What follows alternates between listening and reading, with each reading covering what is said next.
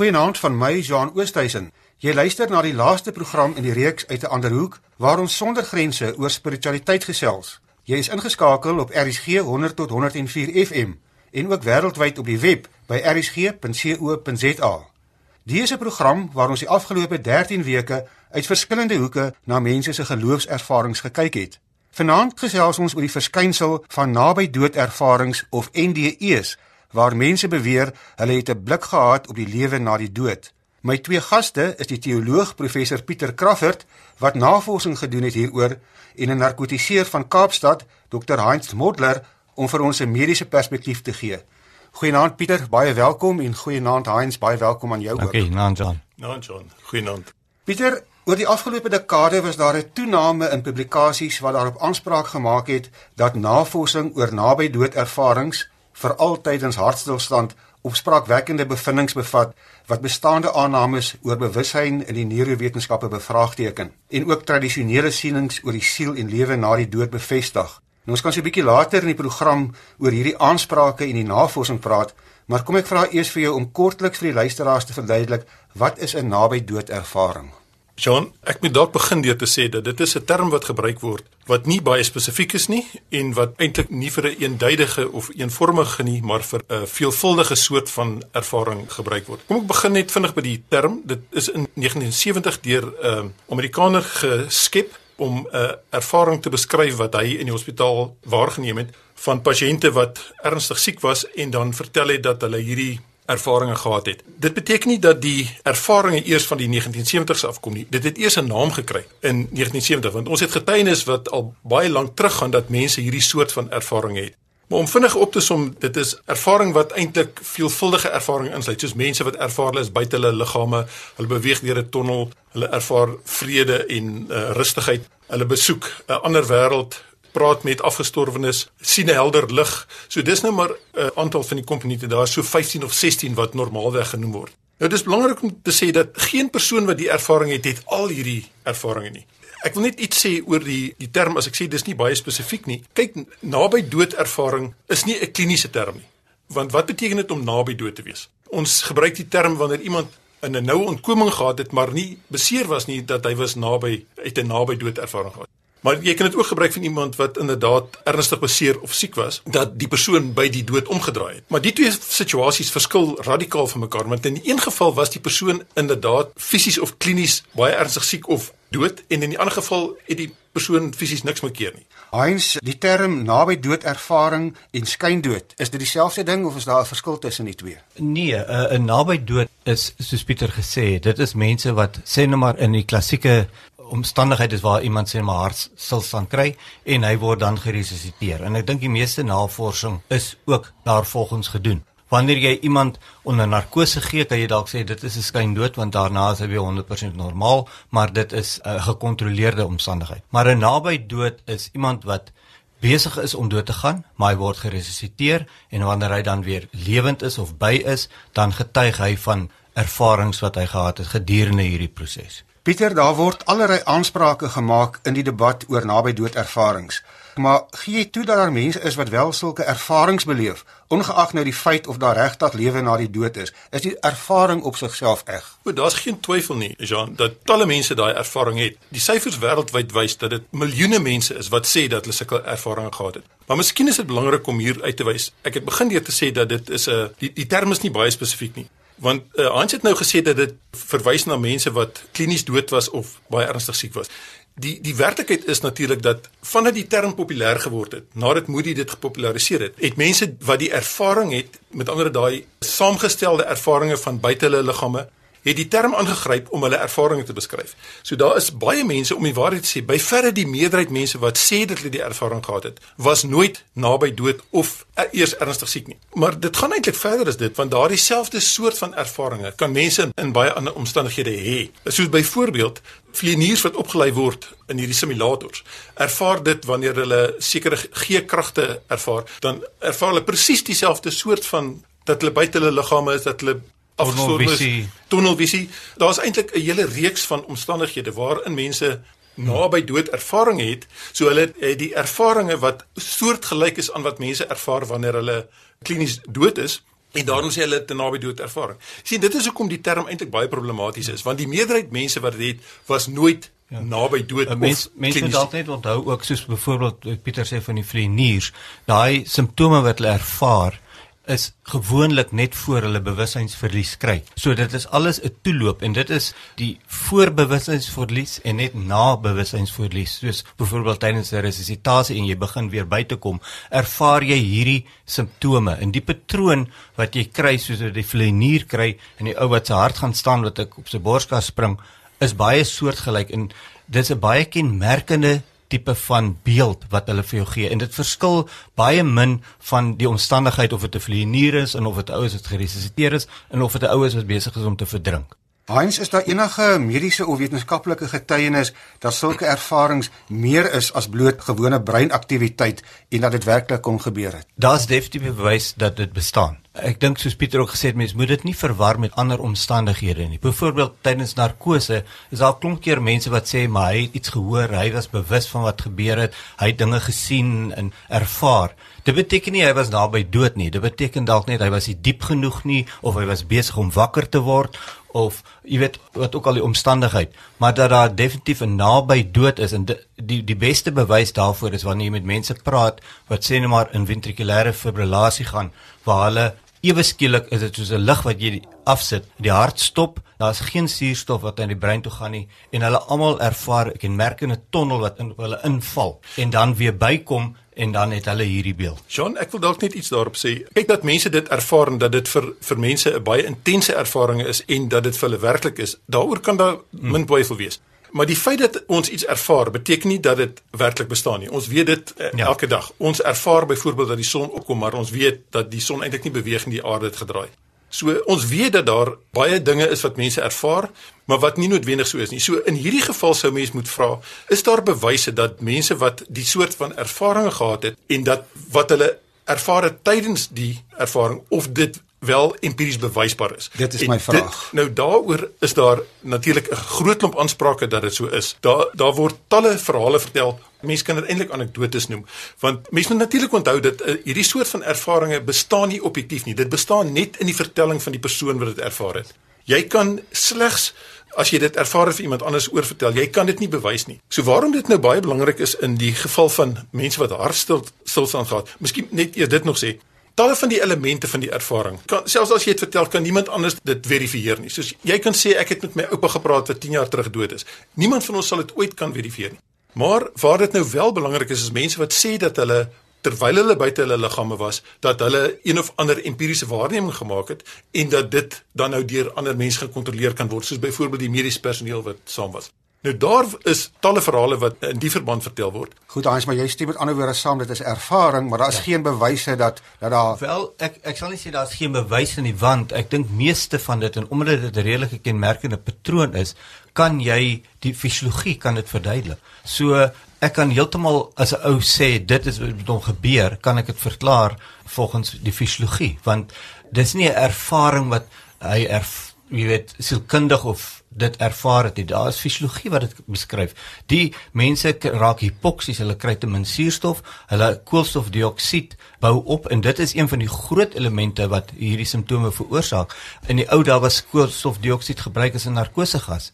Jy weet so as jy iemand resusciteer en hy begin sy CO2 begin net op en op en op gaan, dan gaan hy van hierdie ervarings kry. Dit is soos mense wat amper verdrink. Jy kan maar hulle dieselfde patroon. Soos hulle sê it's a nice way to go as gevolg van 'n CO2 narkose. So jy kan baie van die simptome kan jy sê as die ou vir jou sê dis dit dan kan jy dit verstaan want die fisiologie kan dit verduidelik. John dalk moet mens sê daar is twee daar's nou studies gedoen om dit te probeer. Daar's twee soorte studies wat algemeen populêr was. Die een was hulle het in kardiologie eenhede waar daar nou 'n verwagting is dat iemand hartaanval kan kry, het hulle 'n navorsing gedoen. Nou een van die studies het ongeveer 2000 pasiënte ingesluit wat in 15 hospitale in 3 lande in Europa gedoen is. En wat hulle gedoen het, hulle het in die sale waar die kardiologie pasiënte was, het hulle kaarte op rakke bo teen die hoog teen die muur gesit waar geen mens dit kan lees nie behalwe as jy soos die bewering is buite jou self teen die plafon erns beweeg. Afkyk. En afkyk. En daar is talle van die soort studies gedoen en mens moet sê tot op hede is daar nie 'n enkele geval ja. dat enige van die persone wat so ervaring gehad het, ja. die kaarte wat een of ander nommer syfer of 'n um, 'n prentjie op het kon identifiseer. Goed, ek wil in die tweede helfte van die program terugkom hiernatoe Pieter, maar ek wil net graag kortliks vir jou vra. Aan die een kant is daar nou die wetenskaplike of die mediese argumente, maak nie saak watter kant toe nie, en aan die ander kant is daar teologiese argumente. Net baie kort, wat sê die Bybel regtig? Want in die Ou Testament sien ek ook nie veel sprake van 'n siel nie, veral nie in Prediker nie, maar op ander plekke in die Bybel kry mens weer die indruk daar bestaan wel so iets as jy mens dink aan die verhale van Henog, Lazarus en Jesus se woorde. Hoe moet mens dit teologies beskou? Jean, jy spring natuurlik nou 'n bietjie na 'n uh, ander onderwerp toe, maar dit het dit is aan mekaar verwant. 'n uh, 'n Siel is die term wat antieke mense gebruik het. Wat om die waarheid sê wat deur die eeue deur deur in sekere tradisies gebruik is om hierdie ervaring van bewussyn te beskryf, om iets van daai self wat uh, 'n mens het te beskryf. So in daardie sin is dit dis 'n term wat uitdrukking gee aan ervaring wat mense het. Ek ek dink mense moet aanvaar dat dit is 'n manier hoe mense praat. En mense wat hierdie soort van ervarings gehad het, ons praat nou van jy is buite jou liggaam, maar daar's ander mense wat sou sê dat daai ervaring was my siel het uit my liggaam uitgegaan. Dit is woorde wat ons gebruik om die soort van ervaring te beskryf. Die ervaring is universeel omdat ons 'n sekere soort van sentrale senuweestelsel het, sekere soort brein het wat op 'n sekere manier funksioneer. So die ervarings bestaan en siel is een van die terme wat mense gebruik het om dit te beskryf. So dit is een van die bewyse wat mense sou kon aanvoer om te sê dat 'n mens het 'n siel. Nou naby dood ervarings word gebruik om om daardie soort van argument te maak. Maar ek dink mense moet toegee afleidings wat persone maak verskil. Dit is dit is van jou eie jou eie sieningswyse en jou eie ja. oortuigings. As jy pas ingeskakel het, jy luister na die program uit 'n ander hoek op RSG 100 tot 104 FM en ook wêreldwyd by rsg.co.za. Ons gesels oor die verskynsel van naby dood ervarings en hoe betroubaar die verhale is van die talle mense wat beweer hulle het sulke ervarings gehad met 'n blik op die lewe hierna. Pieter en Heinz, ons het in die eerste helfte hier teen die einde so 'n bietjie verwys na die hele kwessie van 'n siel. Ek wil graag vir julle albei vra. Een van die aannames is dat 'n mens se siel of sy bewussyn onafhanklik van enige breinfunksie kan bestaan. Is daar enige bewyse daarvoor? Jean, as 'n mens kyk in die literatuur dan is daar talle mense wat die soort van aansprake maak. Ons het nou al gepraat oor 'n naby dood ervaring wat mense tydens hartstilstand het. Dis 'n baie belangrike eh, fokuspunt in hierdie navorsing, spesifiek omdat mense sê tydens hartstilstand is daar nie breinfunksie nie. Met ander woorde, wat dan gebeur kan nie die normale funksie van 'n brein wees nie. Want as mens toegee dat naby dood ervarings kan ook ervaar word in talle ander omstandighede, dan sou die argument kon wees maar dit is normale breinfunksies daarin. Maar in die geval van mense wat hartstilstand het, is die argument nou maar hier het jy nou persone waar daar geen breinfunksie is of kan wees nie en dat dit dan nou 'n bewys is dat mense wat tydens daardie omstandighede 'n naby dood ervaring het eh, dat dit inderdaad 'n bewys is dat 'n siel op bewussyn los in 'n liggaam kan bestaan. Nou maar ook daar is die mense wat hierdie soort van argument voer, sê daar is genoeg bewyse daarvoor. Kom ek noem vir jou een voorbeeld. Daar word eh, 'n uh, bekende Hollandse navorser Pim van Lommel wat navorsing hieroor gedoen het, beweer in sy artikel dat tydens hulle navorsing het daar het een van die verpleegpersoneel vertel van pasiënt wat ingekom het wat deur ambulans ingebring is en wat hartstilstand gehad het. En in die proses om hom te resusciteer het hulle moes hulle sy valstande verwyder en die verpleegster het dit op die trolly neergesit. Hy is suksesvol geresusciteer en 'n week later is hy in die intensiewe sorgeenheid en toe soek hy sy valstande hulle beweer in die navorsing beweer hy nou dat toe hy die verpleegster sien, die verpleer, dis eintlik 'n manlike verpleer, toe hy hom sien toe sê hy daardie man weet waar my tande is. Daar's iets baie ironies in hierdie geval. Hy hy lê 'n hmm. week in die saal. Hulle weet nie waar sy tande is nie, maar as hy dan nou geweet het, nou weet, ja. as hy dan nou gesien het dat hulle sy tande op die trolly ja. plaas, dan moes hy mos vir hulle kon sê, dan sou sy tande ja. nooit weg gewees het nie. Maar die interessante van hierdie soort van anekdotes wat gebruik word is, hierdie verhaal het nie gebeur tydens die navorsing. Dit is 'n verhaal wat 22 jaar van tevore gebeur het wat iemand toe nou vertel het en toe hulle nou die detail begin nagaan, toe kom hulle agter maar maar dit dit klop nie heeltemal nie. Maar dit is die soort van verhale wat vertel word om te sê dat ja. ons het bewyse. Die probleem is ons het nie bewyse nie. En ek dink almal gee toe daar Dis net baie moeilik om my uit my oogpunt om dit te skei want omdat ek ek kan amper sê fisiologie sonder grense is wat ons hier bespreek. Jy kan nie die die patroon wat die mense ontwikkel is baie kenmerkend. So as jy nou sê die siel is onafhanklik van die liggaam. So as die patroon dieselfde is en die patroon is vreedsaam en geluk en lig en as ek nou besig is om dood te gaan. My siel is nou buitekant my liggaam en hy sien nou maar magtig ek is op pad hel toe. Gaan niks meer vreedsaam wees nie. Dan gaan dit 'n geknars van tande en geskrou wees want hy gaan nou agterkom sy hele lewe wag hier's ek is op die pad die verkeerde pad. Maar dit gebeur nie. Almal is baie peaceful en baie rustig en alles gaan so Weereens kom ek terug by die fisiologie. Dis die hipoksie, dis die hiperkarbie, die verhoogde CO2 wat dit kan verklaar. So ek dink is dis baie riskant om dit te probeer skei en baie keer word dit gedoen oor eie oortuigings en nie oor die blote feite nie. Jean, dalk wil ek iets byvoeg. Weet dit is baie interessant dat mense voortdurend na bewyse soek en ja, um, ja so met, met, met, dit moet dit moet vir mense bewys word om te kan sê maar ja. dis hoekom ek dit glo. Maar Indien dit nou waar is dat 'n mens se siel op bewussyn los van jou liggaam kan bestaan, dan is daar 8 miljard mense op aarde met wie dit enige oomblik kan gebeur. Ja. My dit kan nou met my en jou gebeur, dan kan my bewussyn mos nou 'n bietjie hier uit die kamer uitgaan en gaan kyk wat doen die mense langs daar. Ja. Maar dit gebeur nie. So ja. hierdie soort van ervarings vind altyd plaas in baie spesifieke omstandighede. En en soos Hans tereg sê, daai omstandighede is kan mens eintlik baie goed verstaan en dit is altyd soortgelyk. Dit is hmm. dit is 'n brein wat nie genoeg suurstof het nie of daar is een of ander chemiese intervensie wat in ja. die neurochemiese prosesse inmeng. So daar is daar's baie omstandighede, maar dit is altyd dieselfde ja, soort van omstandighede ja. wat dieselfde effekte het. Ja. Heinz, wat is die verskil tussen om klinies dood te wees en om breindood te wees? Want ek lees byvoorbeeld van gevalle waar mense wat dood verklaar is en die dokter reeds 'n doodsertifikaat gegee het dat daai mense dan weer leef. Wat is die mediese verklaring daarvoor en wat gebeur daar? Breindood is ons definisie van dood. Dit is 'n brein wat glad nie meer suurstof gebruik nie wat geen metabolisme meer het nie. En daar is streng kriteria voordat jy kan sê iemand is breindood. So jou hart kan nog 100% funksioneer, jou longe, jou niere, maar jy's dood. Klinies is jy dood want jou brein is dood. En dit is waar jy donors vanaand kry vir 'n hartoortplanting. Dis 'n pasiënt wat se hart niks meer keer nie, sy liggaamsfunksies bekeer niks, maar hy sy brein is dood, hy funksioneer nie meer nie. Navorsing wat gedoen word op 'n hartstilstand pasiënt, as jy hom nie geresusciteer nie,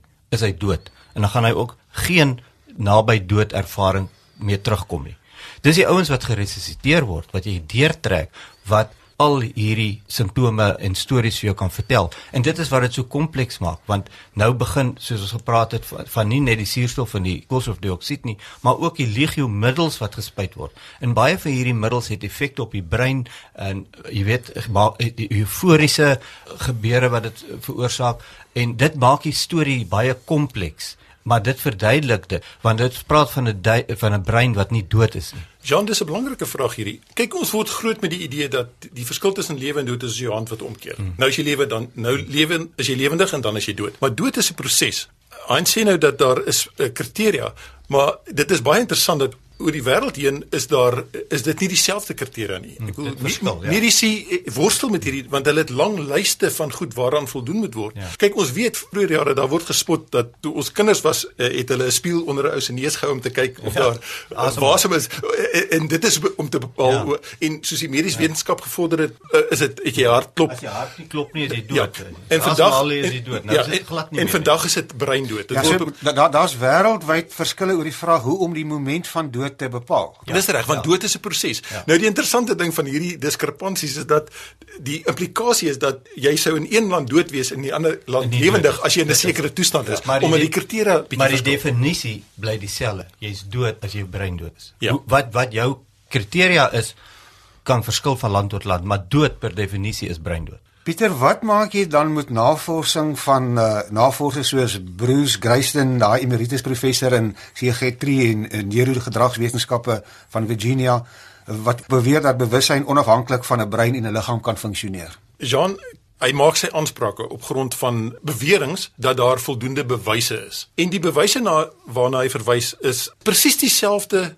bewyse wat oor en oor herhaal word in die navorsing. Ek het net nou verwys na hierdie Nederlandse geval van die die man met sy verlore valstande. Hmm. Dit is een van die verhale wat in elke publikasie na vore gebring word as 'n bewys dat bewussyn onafhanklik van liggaam kan bestaan. Want wat hulle met daardie verhaal probeer sê is dat die pasiënt was buite sy liggaam en daarom het hy geweet dat hulle sy tande op die trolly gesit het. Maar as hy dit gesien het, het hy die dag ja. toe hy wakker geword het gesê, "By dis waar my tande is." Precies. Die interessante ding wat in daardie geval gebeur het, is hy was 'n week later in die intensiewe sorgeenheid. Toe kom die verpleer wat nie in daai eenheid werk nie, maar wat in die eenheid was waar hy opgeneem was, kom in en praat en toe hy Ja. hom hoor praat, toe herken hy sy stem want die man het 'n baie spesifieke Dit- ek ek wou nou net sê, ja. Ja, en toe tydens herken hy resusitasie het hy dalk gehoor Dis- die man sê hoor ek sit hierdie ou se tande hier. Dis reg. En toe op grond daarvan het hy gesê maar hierdie man weet waar my tande is. Hy het Ja. nie gesê ek weet waar die Ja. tande is. Hy het nie self het hoewel die Nou maak verhaal- hulle dit nou, nou maak Presies, Bruce ja. Grayson dit asof ons bewyse het. Ja. En dis dieselfde verhale wat oor en oor gebruik word. En ek dink dis dis regtig, ek dink dit is om mense vals hoop te gee. Ja. Uh, dis 'n valse soort van 'n waarheid om te sê ons het bewyse, maar dit is die kwaliteit van die bewyse. Ja. Dit is dit is regtig ek ek, ek dink dit is da- daar's 'n misleiding in dit. En dis onder andere hoekom ek uh, die artikel geskryf het om te sê kom ons evalueer hierdie soort van bewyse. Hy stem hier saam die die ervaring wat die mense het is eg, maar dit is geen bewys dat daar byvoorbeeld sê nou maar lewe na dood is of dat die siel onafhanklik kan bestaan van die brein nie. Ek, ek ek jy kan jy kan dit glad nie bymekaar bring nie. Dit uh, wat hulle ervaar, soos ons sê, is dieselfde ervaring, verskillende omstandighede en as jy daai ou nie gaan resusciteer nie, gaan hy dit ervaar nie want dan sy brein dood. Dit kom wanneer hy begin, jy begin vir hom masseer, nou ewe skielik begin jy kardiale omset te handhaaf, begin hy suurstof in sy brein te kry, maar nog te min om heeltemal by te wees, maar om ervarings te begin kry, maar is vertroebel want sy CO2 is baie hoog. Dit moet eers weer afkom, maar dit steek vas al daai vreemde ervarings en gebeurtenisse. En dit is wat hy jou kan vertel later en dit is universeel. Het, het jy ooit in jou loopbaan as dokter of narkotiseer te doen gekry met mense wat sulke naby dood ervarings Wel, het? ek het al 'n kollega wat hartstilstand gekry het wat presies dieselfde gedoen en ek self het al toe ek jonk was amper verdrink toe ek gaan surf het by Coolbay en Is ek dit dieselfde tipe ervaring presies dieselfde ek het vir jou gesê ek het so moeg geraak dat ek naderhand nie meer kon swem nie want ek was in 'n stroom dat jy naderhand gaan sit onder op die sand en klippies kyk en, en visse soek. Jy's glad nie bekommerd nie jy's glad nie gestres nie soos hulle sê a nice way to go. En dit is universeel. Jean, iets wat mense moet byvoeg hier is dat hierdie ervarings ook kultureel bepaal word en deur 'n mens se tradisie. Soos naby dood ervarings, ja, ja. dit dit is hierdie saamgestelde ervarings, maar daar is sekere elemente wat net in sekere kulture voorkom of by voorkeur in sekere kulture. Die ander interessante ding is dat mense ervaar die afgestorwenes of goddelike wesens net wat in hulle eie kultuur bekend is. So mense wat in Indië hierdie naby dood ervaring het, sal gode uit hulle tradisie ervaar. Absoluut. Terwyl Christene dit weer ja. uh, sal of Maria of ja. vir Jesus sien. So die kultuur speel 'n rol in in dit wat mense ervaar. Daar's 'n interessante studie in Wes uh, in in Duitsland gedoen na die unifikasie voor en na die unifikasie oor hierdie nabydood ervaring. En daar's selfs 'n verskil in hoe Oos en Wes Duitsers dit ervaar as gevolg van verskillende godsdienstige sentimente wat hulle gehad het. Een van die interessante goeters is dat daar byvoorbeeld sekere kulture is waar persone nie 'n tonnel ervaar nie, wat kultureel bepaal is. Interessant genoeg dat dit is iets wat weer baie prominent in Oos-Duitsland is, die ervaring dat jy deur 'n tonnel beweeg, ja. terwyl Wes-Duitsers ja. wat landgenote is, nie daai soort van selfe hoë prioriteit daar het. soos byvoorbeeld met ergot vergiftiging wat jy jare terug gekry het van rogbrood was daar 'n toksien in en hulle het psigoties geraak. En die mense wat psigoties geraak het in Bangladesh en Indonesië het tiere gesien en die ouens wat in die Midde-Ooste het slange gesien. Ja. Dis presies dieselfde, Ja. maar kultureel is dit die mees gevreesde dier of voorwerp en ja. dit is wat hulle sien en dit ja. is net wat Pieter sê en dit wys jou hoe hoe kompleks ja. is dit en hoe moeilik en gevaarlik dit is om afleidings te maak. Ja. Baie dankie. Die gesprek is nog lank nie uitgeput nie en ons sou nog vir ure hieroor kon gesels, maar ons tyd is ongelukkig verstreke en ek moet vir oulaas groet. Baie dankie aan my twee gaste, die teoloog professor Pieter Crawford en die narkotiseer Dr. Heinz Modler vir 'n baie interessante gesprek waaroor ons seker nog lank vanuit verskillende hoeke sal kan gesels. Aan al die luisteraars van reg oor die wêreld wat die afgelope 13 weke saam met ons uit 'n ander hoek na spiritualiteit gekyk het, Baie dankie vir julle terugvoer en belangstelling in die programme. As jy wil kommentaar lewer, kan jy 'n SMS stuur na 45770. Dit kos jou R1.50 of gesels verder saam op ons Facebookblad uit 'n ander hoek. My e-posadres is jean.oosthuizen met 'n z@gmail.com of volg my op Twitter by jeanoost met 'n t aan die einde. Onthou, al die programme van die reeks, asook die vorige reeksin, kan as potgoeie op RSG se webwerf afgelaai word by rsg.co.za. Van my, Jean Oosthuizen, dankie vir die lekker saamluister. Totsiens en geniet die laaste paar uur van jou naweek. Goeienaand.